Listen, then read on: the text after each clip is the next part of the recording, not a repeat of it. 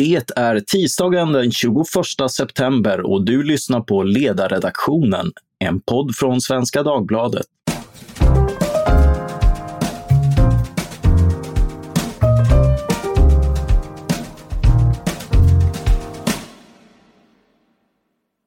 Jag heter Mattias Svensson och dagens ämne är Vem håller igen i budgettider?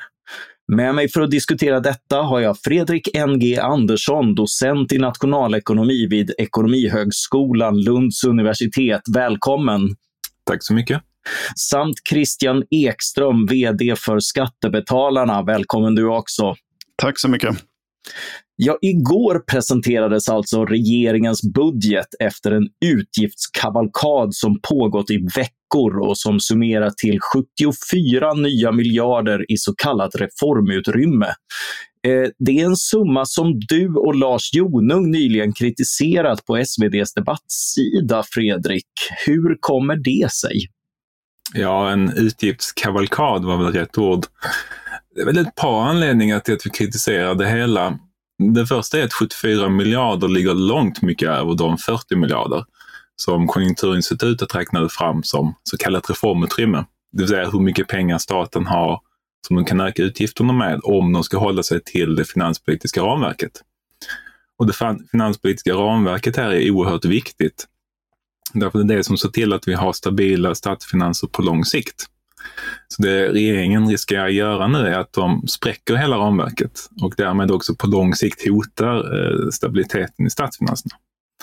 Och då måste man ställa sig frågan varför gör de detta? Det skulle kunna vara så att de har en budget med mycket, mycket viktiga investeringar för framtiden som motiverar att man spräcker ramverket. Men tittar man då på budgeten så ser man att den inte är samhällsekonomiskt motiverad, den är politiskt motiverad. Vi har ett valår nästa år.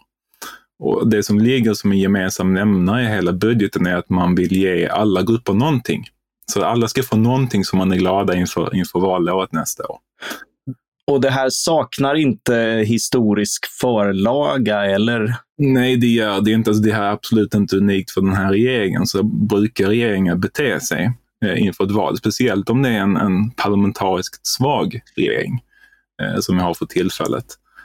Um, men det är ju inte det som är samhällsekonomiskt bra. Och vi får inte glömma bort Magdalena Andersson tyckte om att prata om tomma lador när hon blev finansminister, då hon kritiserade Anders Borg för att ha gjort precis samma sak. Det sista som också ligger som en kritik mot budgeten, det är inte bara att man spenderar massa pengar eh, i val, som valfläsk, utan det är också att man inte tar tag i de mer strukturella problem som Sverige har. Det vill säga, våra problem är ju inte att staten spenderar för lite pengar. Och våra problem är mycket mer strukturella. Det mm. Vi behöver reform av bostadsmarknaden, av arbetsmarknaden. Vi behöver titta över elförsörjningen etc. etc. Och det där läser man ju inte med 74 miljarder kronor under ett valår. Men vi reformerade ju och liberaliserade på 90-talet, räcker inte det? Ja, men man måste komma ihåg att ett samhälle är ju dynamiskt. Ett samhälle förändras ju hela tiden. Jag brukar fråga mina studenter varför vi har politiker, för att i grunden så lärde vi oss på 1800-talet hur man ska organisera en, en, en marknadsekonomi med tillväxt. Så varför behöver vi då politiker som fattar nya beslut idag? Och anledningen till det är ju att samhället förändras. Vi måste uppdatera lagar och regler och, så vidare för att anpassa efter en ny, en ny situation. Um, så att 90-talsreformerna var jättebra på 90-talet och början på 2000-talet. Men idag har vi en ny situation och behöver nya reformer. Mm. Finansminister Magdalena Andersson motiverar ju sin budget med att Sverige inte får göra om misstagen från finanskrisen och dra tillbaka statliga stöd för tidigt. Eh, är det läxan från finanskrisen som du ser den? Nej, absolut inte. Alltså det finns en myt och den myten är att svensk ekonomi så här runt 2011 till 2014 bromsade in på grund av att penningpolitiken och finanspolitiken blev för stram. Men så var inte fallet, utan ekonomin då gick dåligt på grund av den europeiska skuldkrisen. Det vill säga i Europa efter finanskrisen så var det många länder som fick problem med sina statsfinanser. Och det skapade en djup lågkonjunktur i Europa. Och det slog över på oss. Men det hade ingenting med vår finans eller penningpolitik Eh, att göra. Och som sagt, det är bara att gå tillbaks till och lyssna till finansministern 2013-2014 när hon pratar om Anders Borg och tomma lador och att man har, har lånat för mycket. Ska man dra någon lärdom från finanskrisen eller finanskriser generellt så är det 90-talets lärdom. Det vill, säga, vill vi komma ur en svår ekonomisk situation snabbt så är det tillväxtreformer man ska satsa på. Man ska se till att det blir bra för, um, förutsättningar för företag, Eh, att marknader fungerar väl och så vidare. Det vill säga strukturreformer och inte utgifts, eh, höjda utgifter. Mm. Eh, en, en del av detta reformutrymme sipprar ju ändå ner till vanliga löntagare genom sänkta skatter, Christian Ekström. Är inte det bra ur ett skattebetalarperspektiv? Jo, det får man absolut säga. Det är ju, sänkta skatter är ju alldeles strålande. Eh, problemet med de här är väl att de inte är så fokuserade. De här gäller ju då för framförallt för eh, samtliga förvärvsinkomster, det vill säga det är inte bara för de som arbetar utan det är även sänkt skatt på, på bidrag och pensioner. Och det kan det finnas poänger med, men det är ju ingenting som, som, som hjälper till att stärka en arbetslinje till exempel. Är det något problem Sverige har så är det inte att folk jobbar för lite eller att det, det lönar sig för bra att arbeta detta, utan vi ska, hade ju gärna sett att det hade varit ännu mer skattesänkningar, men med ännu större fokus på, på, de som, på de som idag arbetar och investerar. Och kanske allra helst på lite högre inkomster där de stora dynamiska effekterna finns att kamma hem. Mm. Eh, det finns ju en växande opinion, tycker jag mig märka i alla fall i ekonomiska kretsar och inte i ekonomisk politisk debatt om att eh, skuldsättning inte är något större bekymmer eller rent av något önskvärt.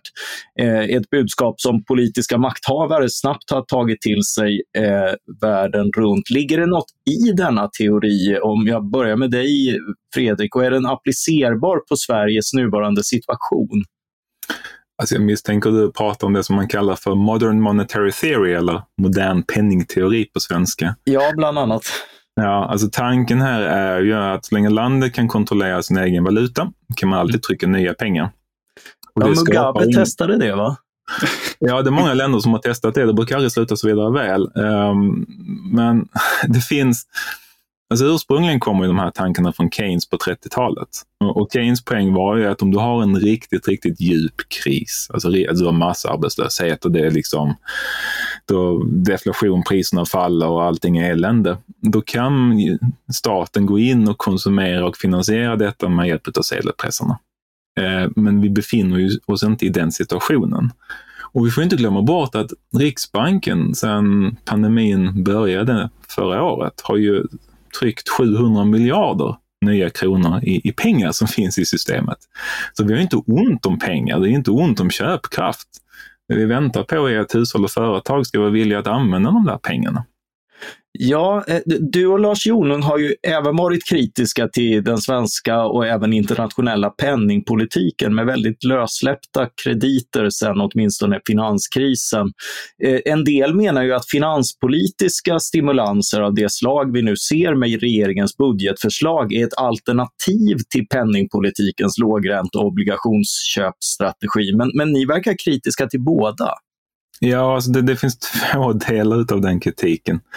Den första delen är att vi, det blir inte bättre av att vi skuldsätter oss. Det spelar ingen roll om det är privat skuldsättning eller om det är eh, offentlig skuldsättning. Det är inte det som ska till för att vi ska få eh, tillväxt i framtiden. Det är en, en välfungerande marknader, eh, lagom med regleringar, lagom med skatter etc. Det är det som, som vi ska fokusera på. Inte låga räntor eller offentlig eh, skuldsättning. Det vi också kan säga med penningpolitiken är ju att en stor del av de stimulanserna som går ut hamnar ju på bostadsmarknaden. Och de trissar upp hushållens skulder och de trissar upp fastighetspriserna. Och i längden så är det inte hållbart. Så det man gör när man ökar skuldsättningen så här mycket är att man ökar riskerna. För vi pratar ju alltid om att det ska vara låga räntor nu, det ska vara låga räntor för evigt. Men tittar man genom historien så har vi haft perioder, långa utdragna perioder av låga räntor och vi har haft långa utdragna perioder av höga räntor. Så vi kan inte basera hela vår ekonomiska politik på att räntor alltid ska vara låga. Och därför säger vi igen att det är mycket bättre att satsa på tillväxtreformer, produktivitetsreformer, förbättra hur marknader fungerar, så slipper man ta de här stora riskerna. Hur, hur ser du på den här eh, eh, skuldsättningsteorin, eh, Christian? Eh, te teoretiskt sett så skulle det ju kunna vara ett sätt att, eh, att sänka skatter. Ja, det skulle man, eh, i alla fall på kort sikt. Men det du gör är att skicka notan till framtidens skattebetalare. Så jag tror inte att det är en, en särskilt klok och listig strategi.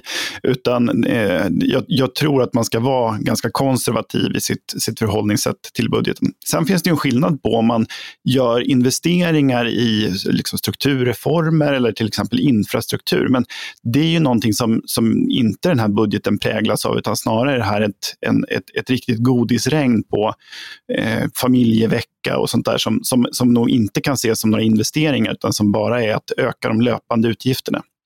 Och det där är ju en fara, för det här kommer ju öka statens kostym. Jag vet att de, eh, finansministern har ju räknat med att skattekvoten ska sjunka med den här budgeten, men, men det ställer vi oss ganska tveksamma till eftersom eh, kostymen ökar i storlek och det här kommer att kräva en, att de här reformerna som föreslås ökar tillväxten och det är nog eh, att hoppas på väldigt mycket från, från Finansdepartementet. Det här med reformutrymmet, Eh, det är om jag förstår det rätt så att säga ett det överskott som finns att disponera från ökade beräknade intäkter. Då utgår man ju å andra sidan från att utgifterna som fanns i förra årets budget är mer eller mindre givna. Eh, men där finns förstås en del utgifter som man kan ifrågasätta för att de inte fungerar eller som man har ambition att minska eftersom det handlar om skydd mot sjukdom eller arbetslöshet som man vill hjälpa folk att ta sig ur. Finns det risk att fokus på just det här reformutrymmet får partierna att tänka bort denna möjlighet att finansiera kärnverksamheter som behöver tillskott? Ett kort svar på den frågan är ju ja, absolut.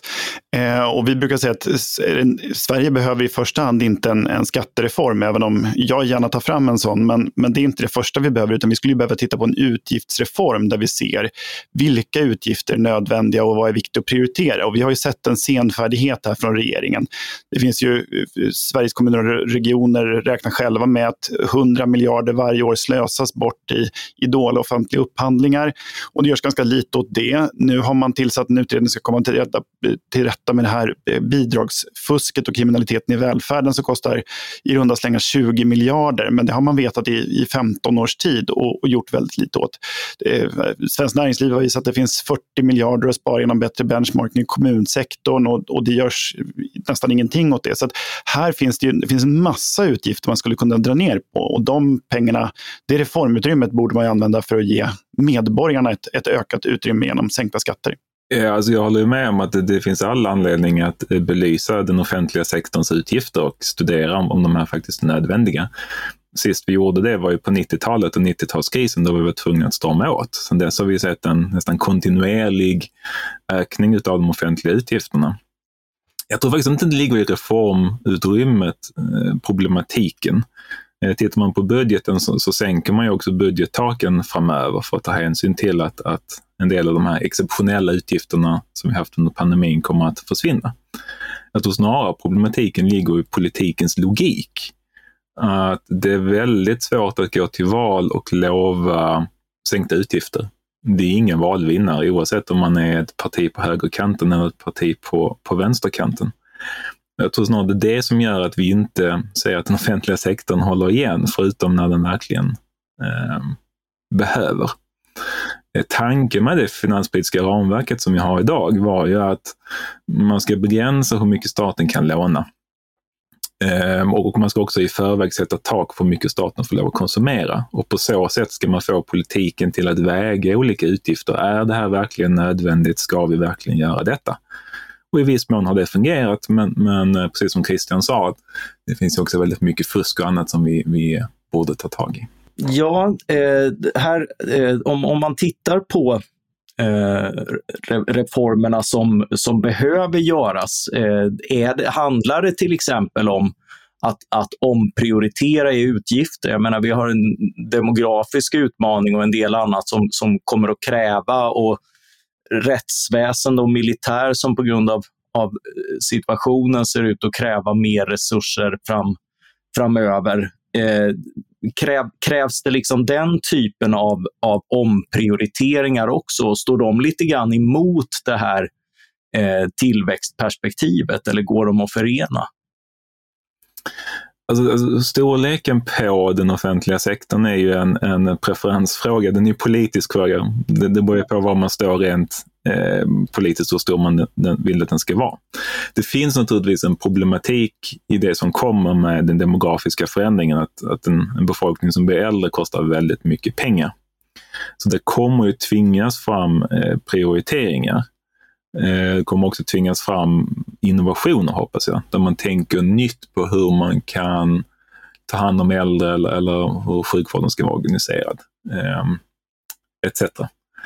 Eh, men, men just storleken på, på staten, det, det, det är en um, politisk fråga som väljarna får bestämma i, i ett val där finns det någonting oerhört eh, centralt. Alltså att, dels att, att prioritera rätt saker, men också att, att få eh, få till stånd reformer som, som gagnar tillväxt och innovation. Och det är väl det jag tycker man kan sakna alldeles oavsett. Nu vill ju vi gärna se en mindre offentlig sektor och lägre skatter, men alldeles oavsett så saknar den här budgeten någon tydlig och, och konkret inriktning, utan det är lite allt åt alla. Det är som eh, det, det som finansministern bjuder laget runt i baren för att, för att man precis har fått ut lönen den 25. Det, det är ingen eh, det, det verkar inte finnas någon riktigt tydlig tanke bakom med vart det här ska leda eller vilka problem som ska åtgärdas. Så vad är, vad familjeveckan? Det är svaret på en fråga som, som ingen har ställt. Så är det ju, men sen tror inte jag det bara ligger i den här regeringen, utan tittar vi tillbaka så är det väl, jag skulle säga sedan 2010 som vi har haft brist på reformer eh, och en, en kraft framåt vad man vill med samhället. Och frågan är ju här om det ligger i det politiska situationen som, som vi befinner oss i med otydliga majoriteter, eh, det nya konstellationer som håller på att skapas som ännu inte riktigt klara, precis som det var på 70-talet, vilket gör att politiken inte förmår att ha de här strategiska och långsiktiga eh, tänkandet. Eh, sen ska man också komma ihåg att på, på lång sikt, det enda som räknas om man ska öka konsumtionen privat eller offentligt är tillväxt. Vi skulle inte klara av dagens offentliga utgifter om vi skulle ha samma BNP-nivå som vi hade 1980.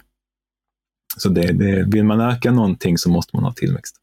Det är en otroligt viktig poäng. Ja, den, den är ju ifrågasatt i, eh, i exempelvis eh, klimatdebatt och liknande. Och, och jag har själv mött den i, i, diskussion med, med Göran Greider som sa att vi klarar oss gott på 1970-talets nivå, att det, att det sen eh, det mesta som har kommit till är onödigt. Men eh, du har ju också varit inne på, eh, på just den problematiken, Fredrik. Eh, hur, hur ser du på den kritiken? Alltså, det finns, jag ser inte som en, en, en konflikt mellan tillväxt och klimatet. Det är helt klart att en del av den utveckling som vi har haft eh, har varit på bekostnad av klimatet. Men det har ju berott på att vi inte har brytt oss så mycket om klimatet tidigare. Så insatserna vi har gjort för att minska vårt klimatavtryck har ju varit ytterst begränsade. Trots det så har ju faktiskt våra konsumtions Alltså utsläppet av växthusgaser både från det vi producerar i Sverige och det vi köper från andra länder sjunkit. Så det finns, alltså de som ofta pratar om det som man kallar för degrowth eller nedväxt. Vi ska krympa ekonomin för att eh, hantera klimatet. De missar två saker. Det första att ekonomisk tillväxt inte är per definition mer material och mer energi. Eh, tillväxt kan också komma från produktivitet. Det kan komma från nya varor och tjänster med ett högre värde än det vi producerar idag. Det digitala har oerhört litet klimatutsläpp till exempel. Men ska man producera ett ton stål så är det gigantiska utsläpp. Så en ekonomi som är mer digital och mindre stål kommer att ha lägre koldioxidutsläpp. Så, den, så tillväxt genom produktivitet och nya idéer är fullkomligt möjligt. Det andra man missar är att ja, vi skulle klara oss alldeles utmärkt på den inkomstnivån vi hade 1960. Men är det det vi vill? Och var det ett bra samhälle? Eh, men mycket av den diskussionen vi fortfarande har idag är om att pensioner är låga eller det finns utsatta grupper som inte har tillräckligt mycket med inkomster. Och de skulle ju ha ännu mycket mindre eh, om vi gick tillbaka till 1960 eller 1970 års inkomstnivå. Så det finns ju inget, eh, inget att eftersträva med att vara fattig. Utan vi vill vara så rika som möjligt inom planetens gränser och det är det som bör vara målet för, för klimatpolitiken. Mm, jag noterade redan i den debatten att eh, det var en diskussion om klimat och åtstramningar och då var det populärt att vara emot tillväxt. Och sen i nästa debatt så diskuterades barnmorskor och, och sjukvården för dem. Då var ingen nöjd med eh, resurserna som, som fanns till hand. Så det är onekligen lite, lite olika perspektiv där. Ja, men det är också det, för jag har diskuterat väldigt mycket den här eh, degrowth med, med vissa personer på, i klimatrörelsen.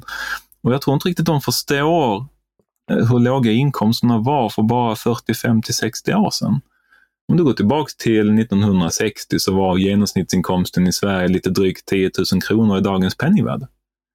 I, idag har vi studenter på universiteten som via CSN har mer pengar än vad genomsnittsinkomsten var.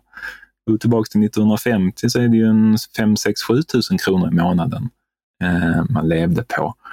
Och det var ju inget bra samhälle och då har du inte råd med sjukvård eller, eller skola som vi har idag. Men, men de låtsas gärna som att man kan ha kakan och äta den samtidigt. Att man kan få allt det där utan att det kostar pengar. Eh, och det är inte sant. Nej, och det är någon slags vulgärbild där det man ska dra ner på är exklusiva handväskor och lyxbilar medan eh, liksom, sjukvården ska vara intakt. Eh, och, och, det stämmer ju helt enkelt inte. Det man, man kommer att få ge avkall på liksom, barncanceroperationer samtidigt i så fall. Ja, men det jag brukar ta exemplet 1980, att om vi, om vi behåller de offentliga utgifterna vi har idag för vård, skola, omsorg och så tar vi BNP-nivån 1980 och nu pratar vi fasta priser, så vi tar hänsyn till inflation. Då kan vi precis klara dagens offentliga utgifter om alla människor lovar att inte äta, att inte bo någonstans, att inte transportera, att inte ha någon bostad. Och då ser vi bara att det går inte ekvationen ihop, för vi måste ju äta, vi måste ha bostäder. Mm. Så att det är inte, vill man ha offentlig välfärd eller privat välfärd, då måste vi ha ekonomisk aktivitet. Och eh, det är eh, därför ni försöker eh, betona behovet av, av tillväxtreformer också i i budgettider. Fin, finns det några eh, utgifter som, eh, alltså, fin, eh, eh, hur, hur, mycket handlar, finns det tillväxt som kan komma också av offentliga investeringar och att, att det här eh, är en fråga om att pengarna används fel snarare än, eh, än, än, att, eh, än, än att det är annat som också behövs? Det är klart det kan komma tillväxt av offentliga investeringar. De där sambanden är dock inte helt enkla. Eh, man måste också diskutera vad det är egentligen en offentlig investering. Eh, investera i ett nytt sjukhus, ja det är mer tillväxt. Ja, kanske människor får bättre hälsa på lång sikt, men det är otydligt.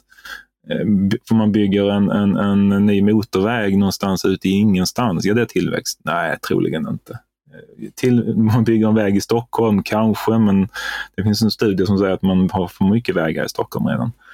Eh, så det där, det kan göra, men det måste, alltså offentliga utgifter kan skapa tillväxt, både kortsiktigt och långsiktigt, men det måste vara väldigt väl utformat och det är det väldigt sällan. Ja, men då tror jag att eh, vi är lite mer bevandrade i budgeten och i perspektiv. Jag tänker, eh, ni har ju båda varit inne på det här att, att det eh, det är svårt i, politi i valtider att, att hålla emot. Eh, men vilka motkrafter eh, finns det mot, eh, mot liksom en, en släpphänt Eh, budget och, och utgifter. Vad, vad är era rekommendationer till, till oppositionen? Ska man, ska man utnyttja hela det här utrymmet till någonting, till någonting bättre, en bättre profil eller, eller ska man lägga sig på en, eh, en lägre nivå och, eh, och gentemot mer strukturreformer? Kanske en ledande fråga baserat på artikeln som jag skrivit så tycker jag definitivt man skulle hålla sig till, eh, till de 40 miljarderna och satsa på strukturreformer. Det som ligger i systemet, det som vi skapade på 90-talet, och då var det Socialdemokraterna och Centerpartiet som var ledande i att skapa detta. Det var ju det finanspolitiska ramverket. Därför det finanspolitiska ramverket säger att det är okej okay att stimulera ekonomin i dåliga tider. Det säger till och med att man, man kan ha lite valfläsk inför ett valår också. Men sett över konjunkturcykeln så måste man uppvisa eh, budgetdisciplin. Så att det finanspolitiska ramverket här är oerhört viktigt för att se till att det inte går för långt. Problemet vi har idag ska vi säga är att finansministern inte vill hålla sig till det finanspolitiska ramverket längre. Det finns en överenskommelse mellan partierna från 2016 om hur det här ramverket ska se ut. Det ska utvärderas och eventuellt förändras i mitten på detta årtiondet. Men redan nu så försöker man, eh, regeringen att, att, släppa på det och det ser jag som skadligt för Sverige. Vad, vad, skulle kunna hända mer specifikt om man släpper ramverket och, och unnar sig lite? Då, börjar, då blir det oerhört lätt att göra det som vi ser nu, att vi har en, en regeringskonstellation med stödpartier som egentligen inte har så mycket gemensamt. Och för att göra alla glada så får alla vad man vill ha. Och, och då blir det svårt att rösta emot den budgeten. Så, så kittet för att hålla samman de politiska samarbetena blir eh, stora budgetunderskott och stora utgiftsökningar. Um, och det är ju faran, för då är vi tillbaka där vi var på 70 och början på 80-talet eh, och dit vill vi inte igen. Eh, utan det är bättre att, att ehm, um, hålla på budgetdisciplinen och vill man ha mer pengar spenderade, då får man se till att baka kakan först. Christian, hade du något, någon fundering och medskick till eh, partierna i opposition? Nej, men alltså, jag håller med eh, Fredrik här att det är klart att man borde hålla sig till, till lägre utgifter och satsa på just strukturreformer istället för, för en allmän, eh, liksom att ladda godiskanonen inför valet. Eh, och man kan ju faktiskt också, som vi brukar påpeka, säga att skattekronan kanske kan göra större nytta i, i den enskilda medborgarens fickor istället för i staten. Så att man kan ju faktiskt gå till val på sänkta skatter istället för att blåsa på utgifterna.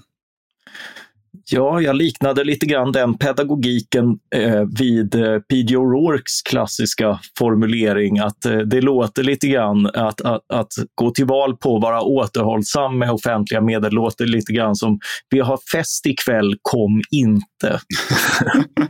eh, och eh, med denna lilla reflektion vill jag tacka er än en gång, Fredrik N.G. Andersson, docent i nationalekonomi vid Ekonomihögskolan Lunds universitet. Tack för att du var med.